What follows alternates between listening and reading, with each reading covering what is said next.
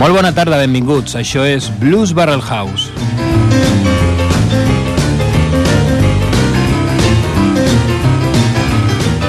Transmitint en directe des de Ripollet Ràdio al 91.3 a la freqüència modulada.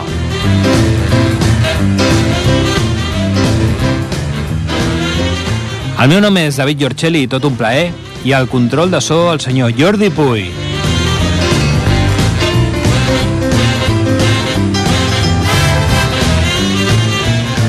Com cada dilluns dins d'aquest espai, farem una travessia on el principal protagonista serà el blues, amb tota la seva diversitat. Gènere musical d'origen afroamericà, música d'arrel, música amb molta ànima.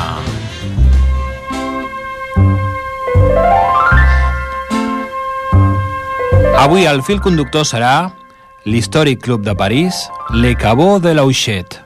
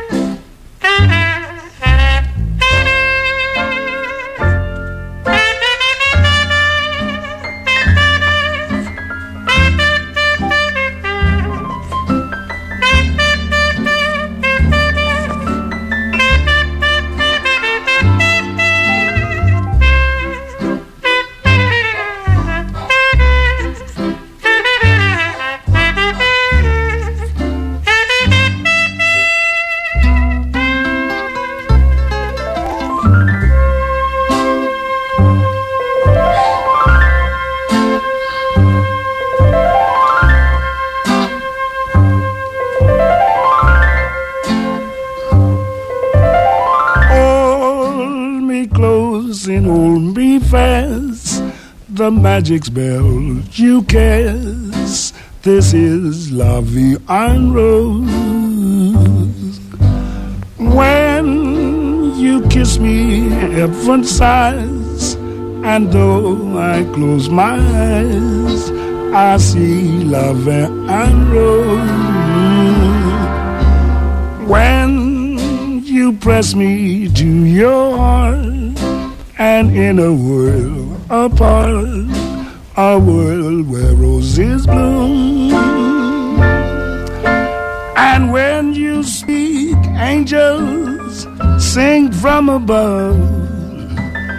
Everyday void seems to turn into love song. Give your heart and soul to me, and life will always bleed La vie en rose.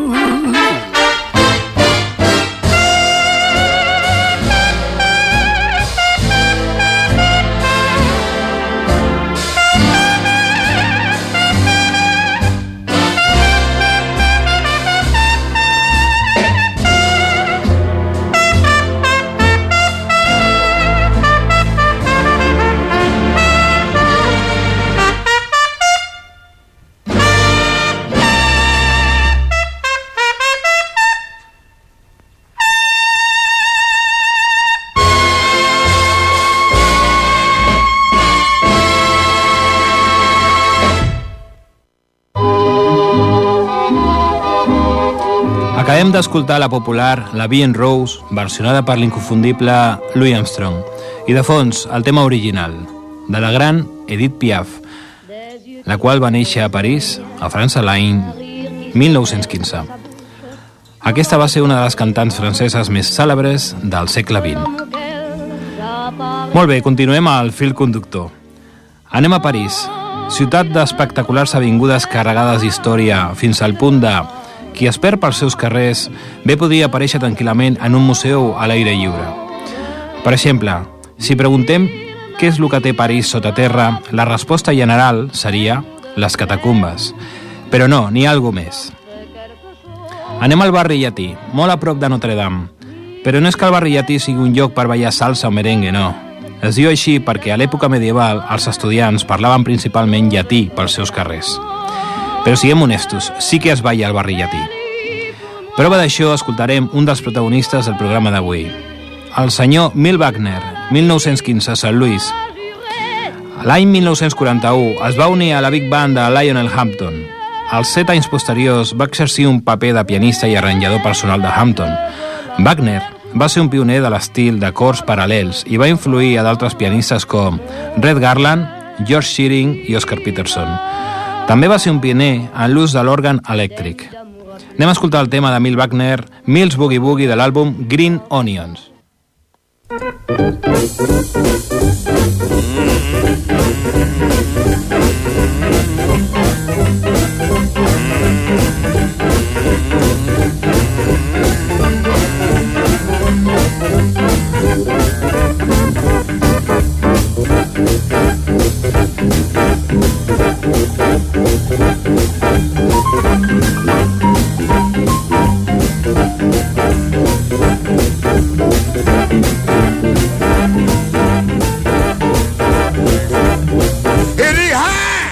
Is it low? No. Is it juice? Yeah, gonna boogie all night.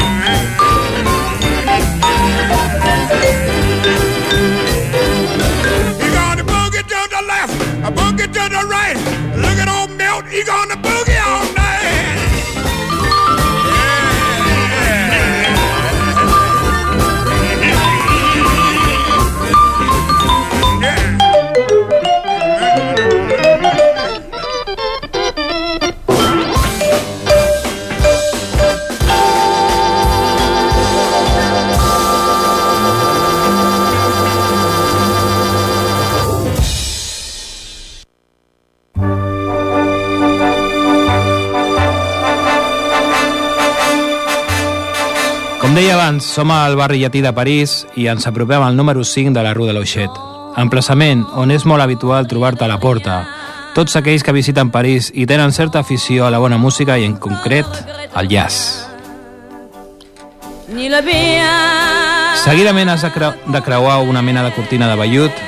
De cop i volta tens la sensació de que et trobes en una altra època. Això passa a l'Ecabó de l'Auxet, la cova en qüestió, amb els seus passadissos secrets, era ja al 1551 un lloc de reunió pels membres de l'ordre de la Creu Rosa i també pels templaris. Cap a finals del segle XVIII, durant la Revolució Francesa, el lloc és batallat com la cova del terror. Allà mateix, a més de discutir-se sobre la llibertat, es realitzaven judicis i execucions amb guillotina. Més tard, després de la Segona Guerra Mundial, fa un gir inesperat i és on comença tot. Anem a escoltar un músic que ha passat pel Cabó de l'Auxet en diverses ocasions. Gary Allen Biggins, més conegut com Detroit Gary Biggins, nascut l'any 1952 a Detroit, on és saxofonista des de l'any 1962. L'any 1970 va presentar el primer senzill amb la banda de Impacts. Després va treballar durant 5 anys a Califòrnia, on va actuar a Medi Cleanhead Vinson. Anem a escoltar la seva visió del clàssic How Long?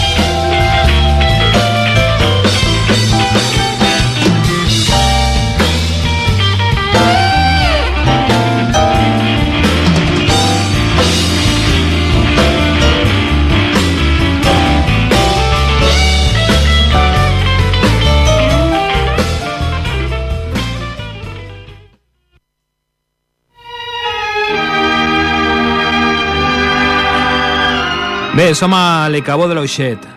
Pedres i fusta, butaques i sofàs de ranci color vermell, quadres a tutiplane de músics de jazz que hores més tard semblen llegendes, làmperes rodones amb una mena de batralls inspirat en catedrals amb vius colors. Un d'aquests quadres em feia sentir identificat perquè n'hi havia un dels músics que sempre he admirat en particular. Parlem del gran Memphis Slim, Nascut a Memphis, Tennessee, l'any 1915, pianista i cantant, on l'any 1962 s'instal·la permanent, permanentment a París.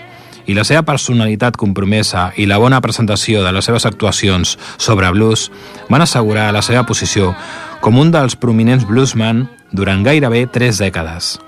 Apareix en televisió en diversos països europeus, actua en diverses pel·lícules franceses i escriu per la banda sonora Anus Dux France, de l'any 1970. Actua regularment a París, per tot arreu d'Europa i en gires de retorn als Estats Units. Anem a escoltar el tema del senyor Memphis Slim, The Way She Loves a Man, on li acompanya el contrabaix i a la veu el gran Willie Dixon.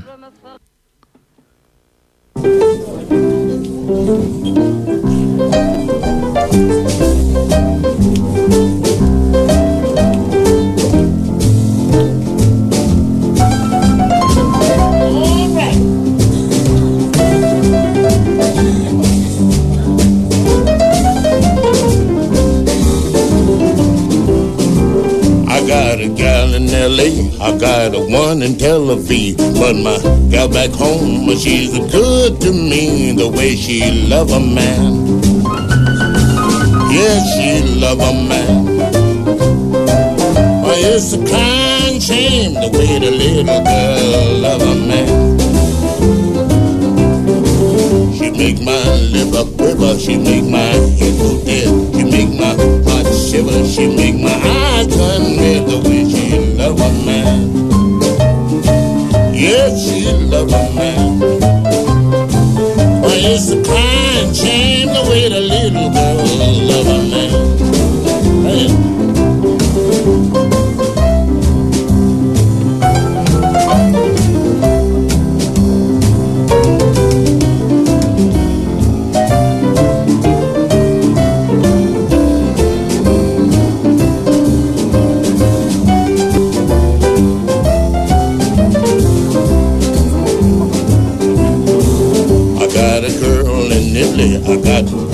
in Spain, but my girl in Paris is the lovingest thing, the way she love a man. Yes, she love a man. Why, it's a kind to get a little girl love a man. She make my lips fly, she make my eyes cry, she make me do many things that I, I don't desire, but she love a man. Yeah, she love a man. Why, it's a crying shame the way the little girl love a man.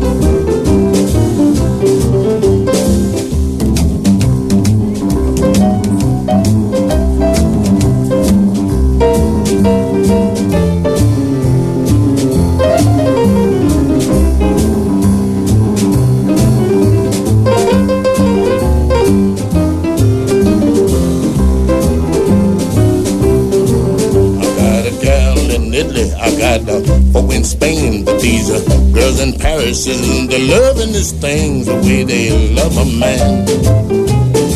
Yes, they love a man. Why, it's a crying shame the way the little girl love a man.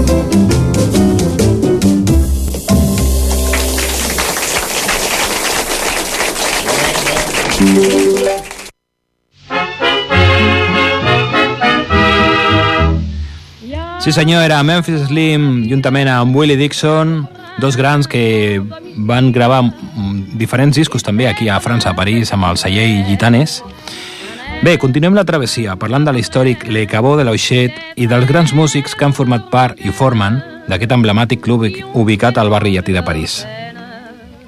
La cova té dos nivells, Només entrar pots baixar unes escales on quan hi arribes al pis inferior pots trobar una sèrie de bancades per descansar i prendre alguna mentre contemples al nivell inferior la pista de ball.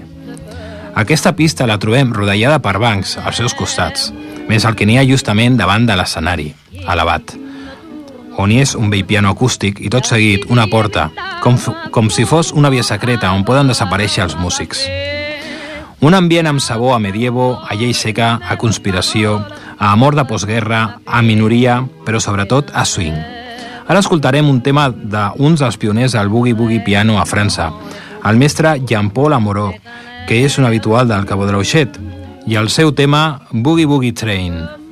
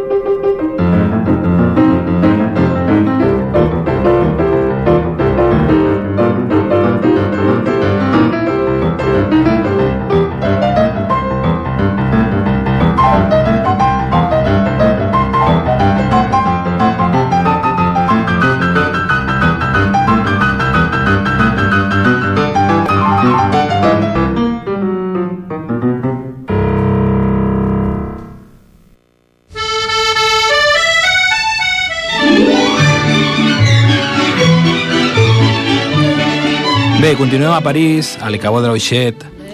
El cambrer ens explica que després de la Segona Guerra Mundial va desembarcar a París tot el llaç de l'altra banda de l'Atlàntic i on va arribar gent molt gran com el senyor Sidney Beckett. Aquest, Sidney Beckett, va néixer a New Orleans, a Louisiana, l'any 1897 i va morir a París al maig del 1959. El 1913 es va independitzar de la seva família i es va traslladar a Chicago, ja amb una ben guanyada fama de música autodidacta. L'empresari Will Marion Cook el va cridar perquè s'unís a la Southern Syncopated Orchestra, que sortia de gira cap a Europa. L'acollida en el vell continent va ser tan entusiasta que no va tornar fins a tres anys més tard, l'any 1922. D'aquella estada, Beckett es va dur a Nova York un nou instrument adquirit a Londres i que posteriorment li donaria singularitat i fama, el saxo soprano. Es va casar, guanyava diners i només faltava el reconeixement que no tenia entre el gran públic. Europa apareixia com una taula de salvació i el promotor francès Charles Delaunay li va servir en a l'ocasió, quan el va convidar a participar en un festival de jazz parisenc l'any 1949. Després d'un breu viatge de tornada a Chicago per arreglar uns compromisos contractuals, Sidney Beckett es va establir definitivament a França l'any 1951. Adorat pels aficionats gals, va gravar multitud de discos pel celler Vogue. Va participar en diversos concerts en els millors escenaris parisencs, va viatjar per tota Europa central i només una nefasta malaltia pulmonar va frenar aquella meravellosa etapa a la seva vida. Sidney Beckett va morir el mateix dia que complia 62 anys. A la localitat de Joan Les Pins hi ha un bust en el seu record i a París hi ha un carrer amb el seu nom que fa cantonada amb la Rue Armstrong, l'únic cognom il·lustre que li va poder, poder disputar l'honor de ser el primer gran solista de la història del jazz. Anem a escoltar el tema de Sidney Beckett, Blues My Naughty Sweetie Gifts to Me.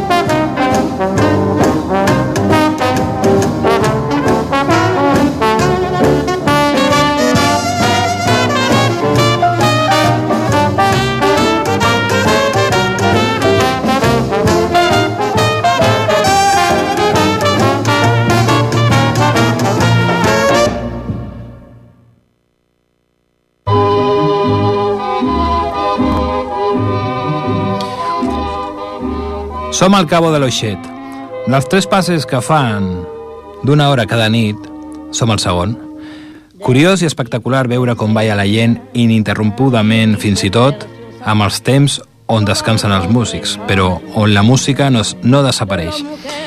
I veiem un quadre enorme a la barra principal del gran Lionel Hampton. Lionel Hampton va néixer a Kentucky l'any 1908. Va morir a Nova York, el 2002. Va ser vibrafonista, pianista, bateria, cantant i director d'orquestra de jazz. Hampton va ser el, el primer vibrafonista de jazz i una de les seves grans figures a la dècada dels 30. El mateix Hamptons va començar com a bateria. El seu gran ídol va ser Jimmy Bertrand, un bateria dels anys 20. Durant una sessió d'enregistrament, l'any 1930, a instàncies d'Armstrong, Lionel, que ja havia practicat prèviament amb ell, va tocar el vibràfon, sent el primer a improvisar amb aquest instrument durant un enregistrament. Seria sis anys després quan Lionel Hampton es faria famós. Una nit de 1936, Benny Goodman ho va veure tocar. Hampton va gravar amb ell de forma immediata, justament amb Teddy Wilson i Jane Krupa, el seu famós quartet. Hampton es va convertir en una de les estrelles del grup, apareixent en pel·lícules amb Goodman, en el famós concert del Carnegie Hall de 1938 i cada nit a la ràdio. L'any 1937 va començar a gravar com a líder per a la companyia Victor, acompanyat sempre de grans figures. Passant a, a l'any 1940, Lionel va formar la seva primera Big Band i l'any 1942 va tenir un gran èxit amb Flying Home. Durant la resta de la dècada, la seva orquestra va ser una de les grans favorites del públic, apropant-se al rei de blues i mostrant la influència del bebop dels anys 40. Entre els seus acompanyants es trobaven artistes de la talla de Dinah Washington, a qui Hampton va ajudar a triomfar, Dexter Gordon, Charles Mingus, Wes Montgomery, Betty Carter i molt d'altres. La popularitat de Hampton li va permetre seguir liderant bandes fins a mitjans de la dècada de 1990. Escoltem el tema Flying Home.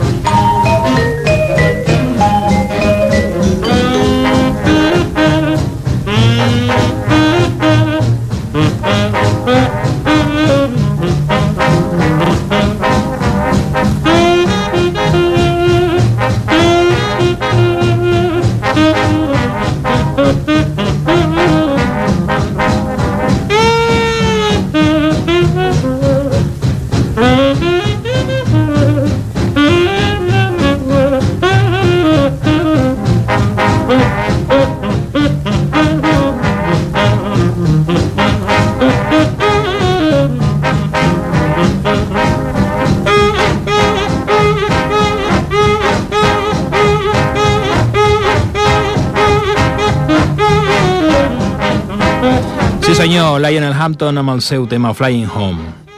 Ok, continuem al fil conductor del programa Avui Le Cabó de l'Oixet de París. M'adreço al senyor de l'entrada, un home molt simpàtic que respon al nom de Didi. Li pregunto un xic en referència a la història del Cabó i sorpresa, és el fill de l'actual propietari. I resulta que ell és músic també, concretament bateria.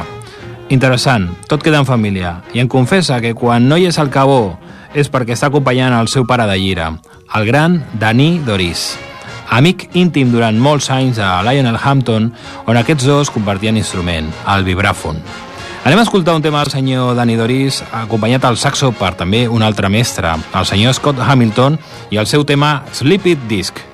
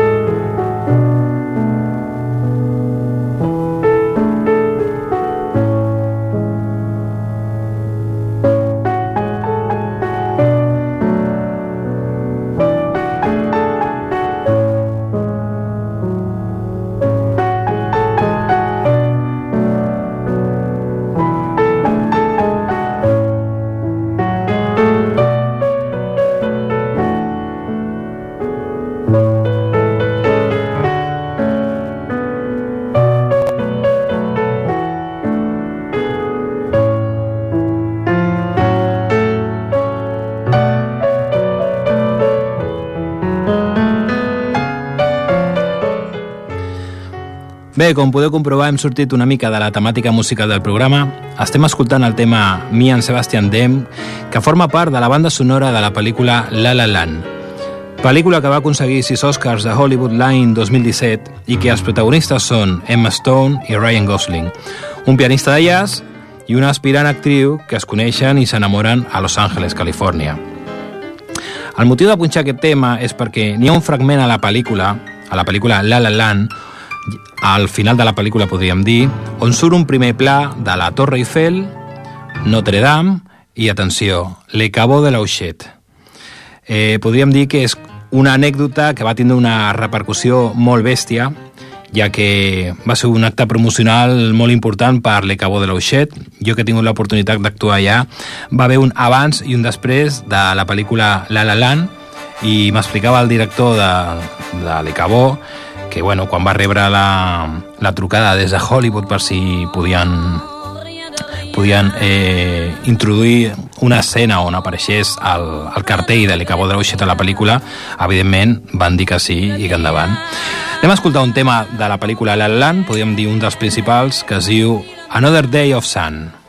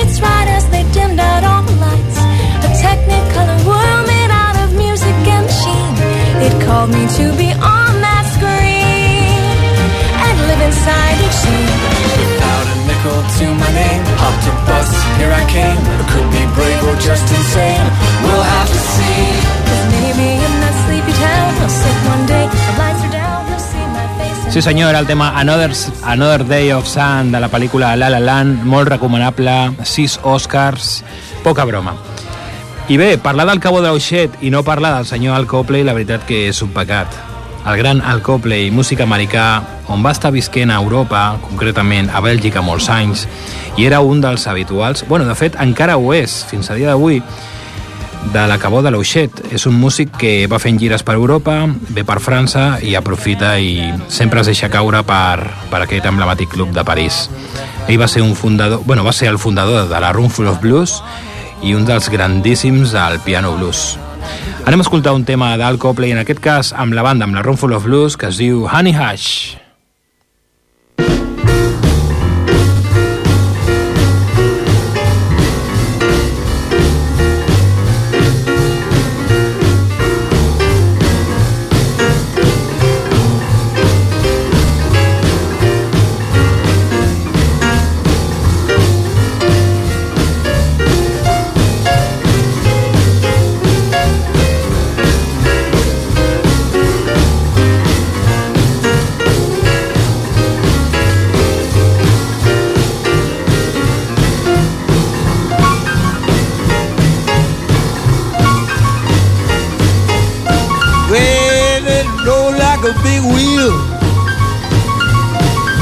Georgia cotton field. Honey, honey, champagne. I want you come in this house and stop all that yakety yak. I want you come in this house and stop all that yakety yak. supper, don't want no talking back. Well, you keep on jabbing, talk about this and that. Well, you keep on jabbing, talk about and that. Our news for you, baby, ain't nothing but an alley cat. Turn up the waterworks, baby, that don't move me no more. Turn off the waterworks, baby. That don't move me no more. Well, leave this town. I ain't coming back no more. Honey, hush.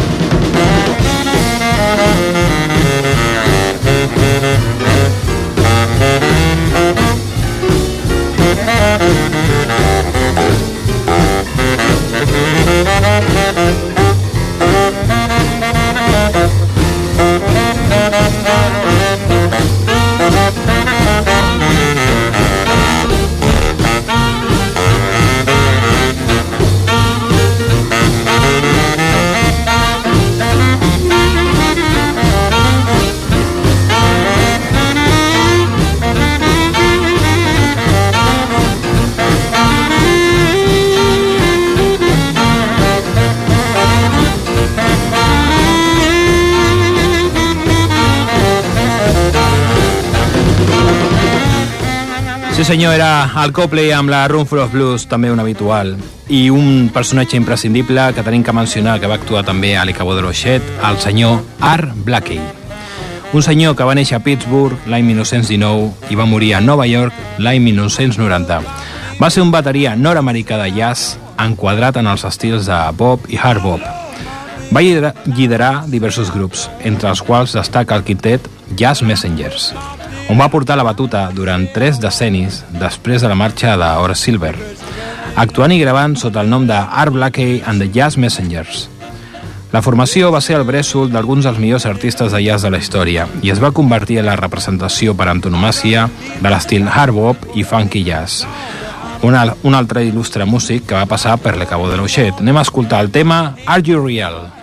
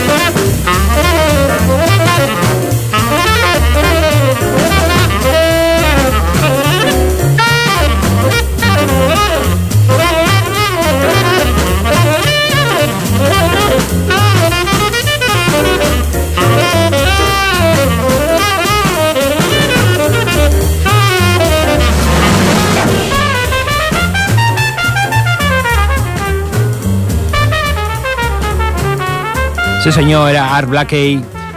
I bé, seguint amb el fil del jazz dels artistes que han participat i per mi també un altre imprescindible, parlem del senyor Ben Wester, senyor que va néixer a Kansas el 1909 i va morir a Amsterdam l'any 1973. Va ser un músic americà de jazz, saxofonista, tenor. Està considerat com un dels tres grans, The Big Three, saxofonistes tenors del swing, juntament amb Coleman Hawkins, la seva principal influència, i Lester Young. Va rebre lliçons de violí a la seva infantesa, per posteriorment aprendre a tocar el piano gràcies a Pete Johnson, aquest era el rei del boogie-boogie piano, que li va ensenyar a tocar blues. Tocaria el piano per a pel·lícules de cinema Mu a Amarillo, Texas. El moment més important en la carrera musical de Wester es va produir l'any 1940, quan es va incorporar a l'orquestra de Duke Ellington per convertir-se en el primer saxofonista important de la mateixa, arribant a exercir un paper crucial en moltes de les obres clàssiques d'Ellington, en aquesta etapa com Cottontail, Conga Brava i All Too Soon. A més, superat la percepció que es tenia d'ell com un clon de Coleman Hawkins, va trobar la seva pròpia veu movent-se sempre entre un estil arrabassat i un altre romàntic, amb un particular timbre cridaner i usant amb freqüència el vibrato. Anem a escoltar el tema Kitty,